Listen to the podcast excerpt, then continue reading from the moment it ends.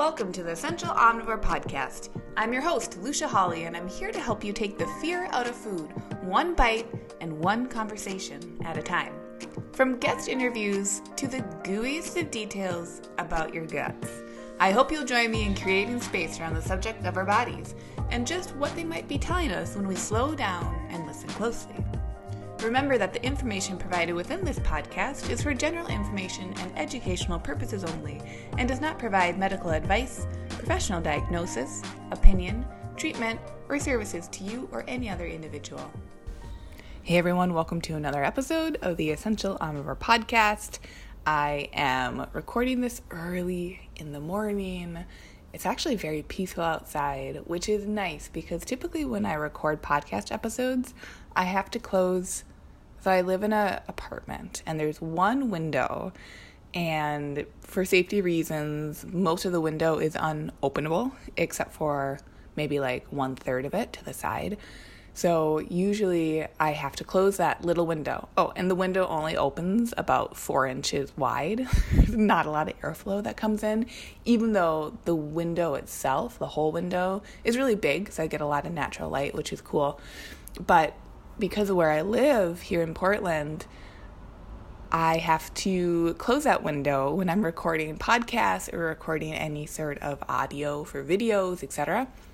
Um, which leads to a stuffy apartment. So it's early enough right now that I actually get to have the window open while I record, and I think I'm gonna have pretty good sound quality. So I'm into that. Maybe that is inspiring for further podcast episodes to get up early to record them while there's still the human lull outside. It also probably helps that it's a holiday and that not many people are going to be commuting, even though some will. So, anyway, that's my morning. Um, Today on the podcast, we're talking about what not to do when your diet fails. So often, we're talking about um, ways to do something, new ideas, new strategies, adding tools into your tool belt or your tool kit or your tool shed, what have you, wherever you like to put those tools. We're often adding about ways to add things in. We're talking about addition. So, there might be some room then for a bit of subtraction. What not to do, what not to worry about.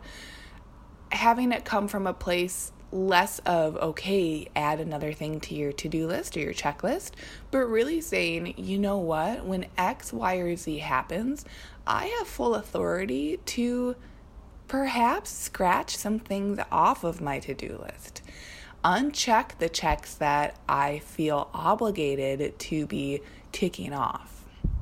So, today I have three different things to not do when your diet fails. And I'm talking about diets again because we are in this season, and I'll keep repeating it, but we're in this season where people are getting frisky and squirrely about how their bodies look and how their bodies are not aligned with what society is saying they should be looking like. And part of that is an energy suck, right? It's an energy suck to be feeling at odds with society and from a social, psychosocial standpoint, that makes sense because being part of the herd often keeps us safe if we're part of a community, there's safety in numbers. So stepping away, even when we step away in such a abstract way, such as going against the grain when it comes to our beliefs or thinking, right? That we can have health at every size and that we deserve proper health care at all sizes, that we are respectable at whatever size we are and that we are respectable at whatever size our bodies will shift to as we age and as the years continue. All of these thoughts are counterculture. And while you've heard me say that before, I do want to clarify that when we are acting in a culture counterculture manner, it's great, A, to find community within those countercultures. And the reason it feels so good, maybe you have found forums online. that almost feels old school, but I think forums are coming back, actually. Tangent. if you found forums online, or if you have found Instagram communities or pods, or you found a website with a bunch of people who have also found that website, there's this beauty to being online where you are engaging in some counterculture thought or belief system, and you can find people who also believe that, which is very helpful from that psychosocial standpoint because when you're engaging in a counterculture act, it is a form of trusting yourself for sure and trusting yourself because you recognize that whatever culture you might be in currently, you perhaps could be receiving flack and receiving less social support because of that belief or that belief system. So, I want to let you know that I commend you for listening to this podcast and listening to the ideas. You know, I was getting coffee with someone just this week actually and they mentioned they're like you know the stuff you talk about is great but like i i have to take breaks sometimes i have to step back because it gets it gets heavy it gets deep and that is super true and it was also kind of this person to say that so i always i always want to respect my listeners and like have you understand that it's not that this stuff is profound, like gross. There's no like humble bragging here, but there it there's a lot to be unpacking. And unpacking takes energy. And unpacking can be a solo activity. However, if we can find that community that can support us in our own individual unpacking, I think there is a type of beauty there that is not always discussed. I think often the rhetoric is, well, just you do you, you find your belief system, you set out and like screw anyone who doesn't believe that and whatever. And like, as long as you keep believing it and you keep pushing for it, like that's going to be what actually fills you up in the long run. And that's true. But I think we can hold that idea also with the softer idea that we are social creatures. And as social creatures, being able to find a network or understand that if we are not currently in a network, that this actually does affect how our bodies function. And this is a, a, type of stressor. And it's not something that we need to overcome, right? We don't need to battle through it. But if we can simply have that recognition that this is part of our lived experience, I think that makes any choice that we are making as an individual make that much more sense. So that was a total tangent, but I think it was a needed one. Now, let's talk about the top three things not to do when your diet fails. And your diet might be a healing diet, right? Maybe you chose it because you have digestive difficulties, or you have a skin issue, or you're having a a hyper reaction to different activities in your life, and you've been told that changing your foods can help support that. While that is all very well and good, you also maybe have chosen this diet because it's helping you drop weight.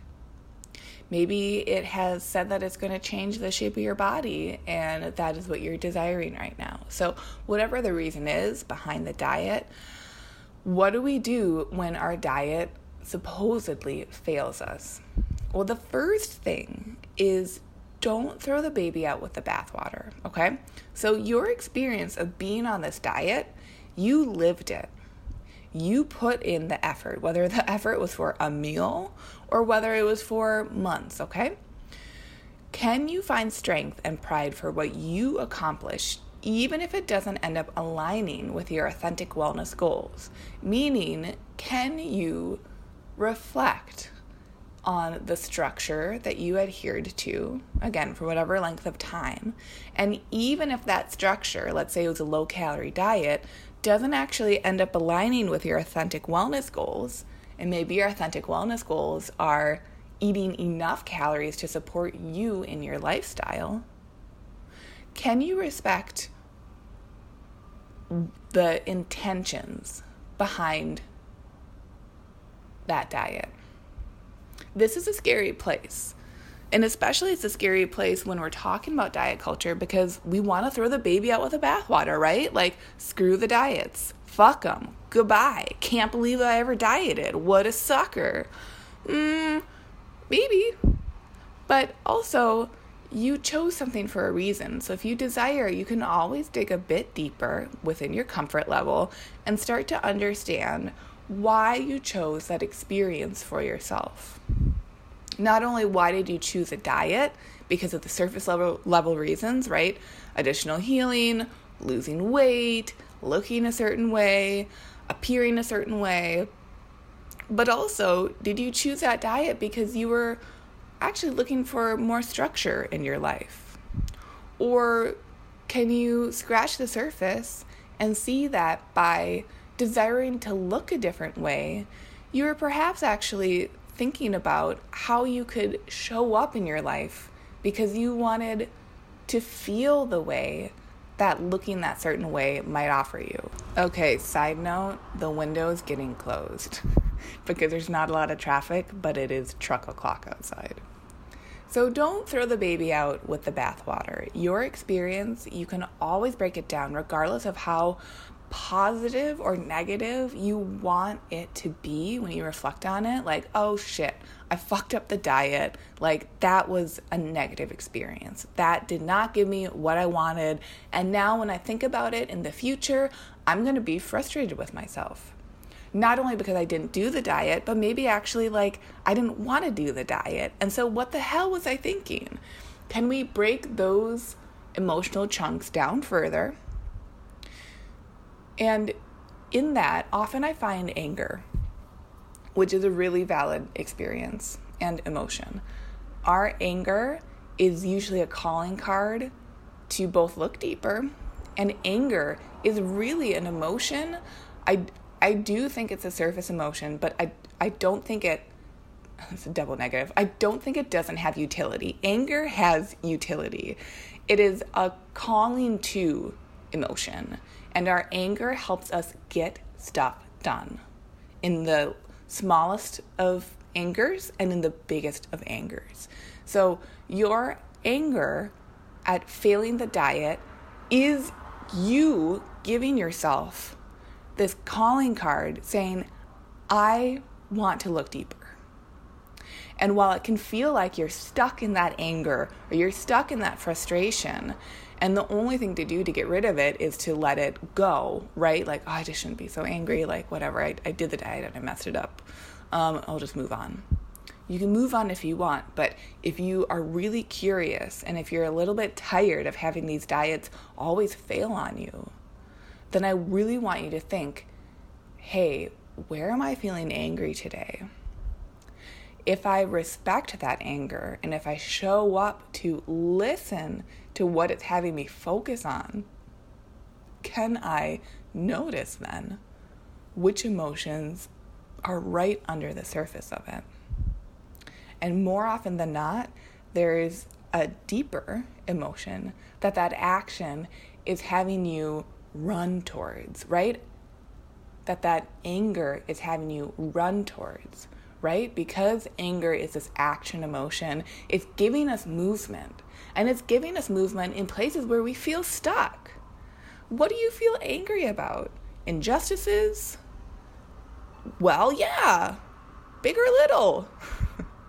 we feel stuck in those. I won't get political, but where are we feeling stuck? Where are we feeling anger? Where do we feel a misalignment of our values or like our values we cannot actually put into action? in the greater scheme of things.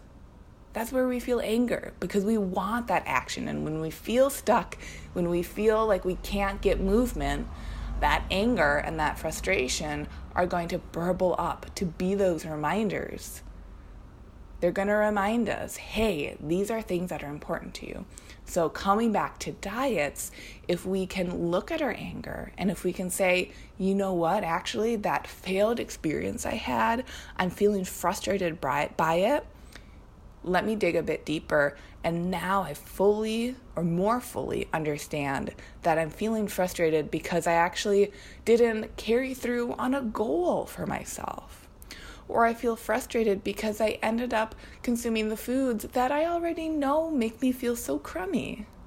Or I feel frustrated because I changed my viewpoint in this process And that scares me because it makes me feel less in control. That's the first thing not to do when your diet fails. Now, the second thing is do not ignore the data. Data, data, data. Data is classic. and data is something we don't focus on a lot when it comes to diets. If you're thinking about diet where it's about weight loss, what's the goal? Lose weight. That's our data. That's the only data we track. And usually, if we fail the diet, what happened? We didn't lose enough weight. Now, there are some people who are trying to gain weight. I've had plenty of clients, a lot of them ended up being more male identified, but I have have had plenty of clients who have wanted to gain weight, right? They've wanted to become more muscular, they've wanted to hit a certain number because it then aligns with some idea that they have in their head, their rhetoric about what is more masculine. So there are always nuances to these discussions. I typically am talking about people who are female identified, who are desiring to lose weight for that opposite reason because there's a certain number in their head, usually because of societal pressures, that they want to be at or under. So the data, those choices that you made, well, they're all of that data. So write that stuff down and really do your due diligence here. What is the data? What did you learn from that experience that is being labeled and stamped as a failure right now? Write that down and take time while you're noticing that even if your choices felt like they didn't serve you in the moment, there is a silver lining to any information you can glean. And I truly believe in this. Feeling like a diet failed you, well, that's data right there. Okay, write it down. X, Y, and Z didn't work. Cool. You got that out of your brain. First and foremost, good job. You wrote it down. I recommend pen and paper. You wrote it down, and now that step one is out of your brain. So you can go a step further if you want. What is other data that you learned? Um, if it was a low calorie diet, maybe you learned that it felt okay for the first few days, and then after a few more days, you felt tired, lethargic, you felt cranky or hangry, you noticed you had more outbursts that were of frustration or hangriness, or just generally feeling icky, you had more outbursts towards friends or family or loved ones. Maybe you noticed other data that you want to carry forward with your life. Maybe you notice that even though that diet failed you, that you actually love butter lettuce and you love this sick ass salad recipe that you found that was butter lettuce and blueberries and had this creamy dressing and that that was a really fun part of this experience. Maybe you learned that you don't like waking up so early in the morning to get that crazy workout in. But maybe you like that workout after work because it helps you transition from your work day back into your personal day. There is always going to be data, and we can start to collect it after we have stepped away from certain choices. So, even if that diet feels like a failure, I bet there were more things that you learned in that experience than you're giving yourself credit for. And then finally, the last thing not to do when your diet fails is do not blanket statement what failure is. And I want you to think about this one because if you were to take the time to define what failure is for you, what does that look like? For the diet, is it the lack of weight loss within a set amount of time? Is it not adhering to a protocol you decided to do on a whim? Is it deeper than those? What part of what you tried is really, truly failure? It's probably not as big of a deal as you want it to be. And that is not to downplay your struggles, but it's to put them into perspective. So, in you make a blanket statement, when we do this, and we say, I failed that, like I fucked it up, I didn't do it. I did it for two days and then, like, just stopped. I totally failed it. That's really vague. and when you say that you failed a diet, usually a few other emotions are part of that sadness and frustration, and maybe anger and guilt and shame. So these are those calling card emotions that ask us to dig a bit deeper, especially that anger one that I mentioned before. So if you were to really take the time to define what failure is for you, was it really that you didn't stick to a low calorie diet for the rest of your life? Was it really that you didn't lose 25 pounds in six weeks? Was it really that you didn't go to that intense workout every workday and that you didn't walk 10 miles every weekend? What is failure for you? Maybe if you really let it sink and you really let it be deep in you for a bit, when you're thinking about failure and your eyes are closed and you're alone in a peaceful spot, maybe failure actually aligns with not seeking some of your core values. Maybe if a core value of yours is feeling joy, then it makes sense why that diet felt like a failure. Because even if the intention of starting a diet was to actually seek more joy by being in a body that you want to have be outside and that you aren't thinking about 24 7 or whatever other reason that a diet says it can give you, when you scribble out all those extra words, what that diet is saying is that it's going to give you more joy. Now, that is intriguing because that is one of your core values, potentially, in this example. So even though stopping that diet felt like a failure, it makes sense why you moved towards it, even if his words were more than empty. So, can you define what failure is for you? And can you define why you want to label stepping away from this experience of being on this specific diet felt like a failure for you? And if it does feel like a true failure, that's cool too. There's room for that. But more often than not, what ends up happening when people do this is that they recognize that there's that deeper emotion that we feel needs a bit more attention.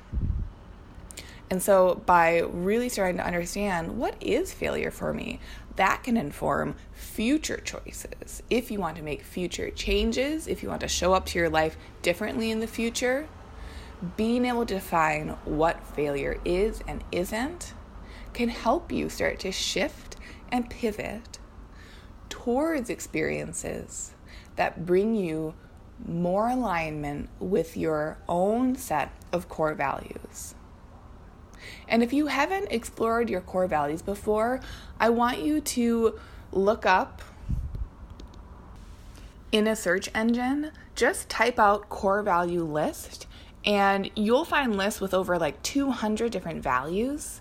I want you to look up the list and do this activity where you print it out or you get it in some spreadsheet or Word document that you can edit. I want you to go through and highlight the first, not the first, but the top 20 terms that stand out to you. Okay? Just the ones that bring up a feeling in you that is special. It's going to be different for everyone. So bring up the top 20 terms, highlight those, and then take a breather, come back to it, and whittle that down by 50%. So choose the 10 top terms from those 20 top. And then take another break if you need it. Go back and whittle down to another 50%. So your top five terms. I think this can be a really easy and it sounds like, oh my gosh, overwhelming, like 200 words. That's gonna, that's a task. It's not really because your core values, even if you don't have words to them, you have those feelings inside of you and they're gonna make themselves known. They're gonna make themselves known when you are offering yourself the time to check out what these different labels might be for those core values. And core values can change over time. They can start to um, grow in their own sense, and they might start to look like different words after a few years. But identifying your top five core values can help you also make this rubric that can show you the way that when you do something that fails, when something feels really wrong, when you make a choice that you reflect back on and you're like, oh, that wasn't quite what I wanted, or maybe what I needed, or what I could have done, usually those choices that feel like that are ones that are out of alignment with your core values. So why not do that work now to identify what the hell those core values are? Give yourself some of that clarity, not to be a better person, but to be a person that is more in alignment with themselves. Because usually when a diet fails you, it's because it's not in alignment with you. And so seeking and respecting the idea of alignment can be one of those actions that can erase and can nullify the sting and pain of being a dieting failure. So if you liked this episode, if it resonated with you, please I hope I hope you are subscribed to the podcast. If you aren't, go ahead, click subscribe in iTunes or whatever platform you're listening to this on and leave me a review or shoot me a message on Instagram. I'm Essential Omnivore over there on Well. I'm always open to conversations and I want to hear from you. Let me know what you think and let me know when you do these exercises, when you figure out your top five core values, it's going to be life changing. And you can share that with someone because community is important. Hey, thanks so much for joining along on today's episode. For full archives of past episodes, hop on over to essentialomnivore.com or subscribe to the Essential Omnivore podcast on Apple Podcasts or Stitcher.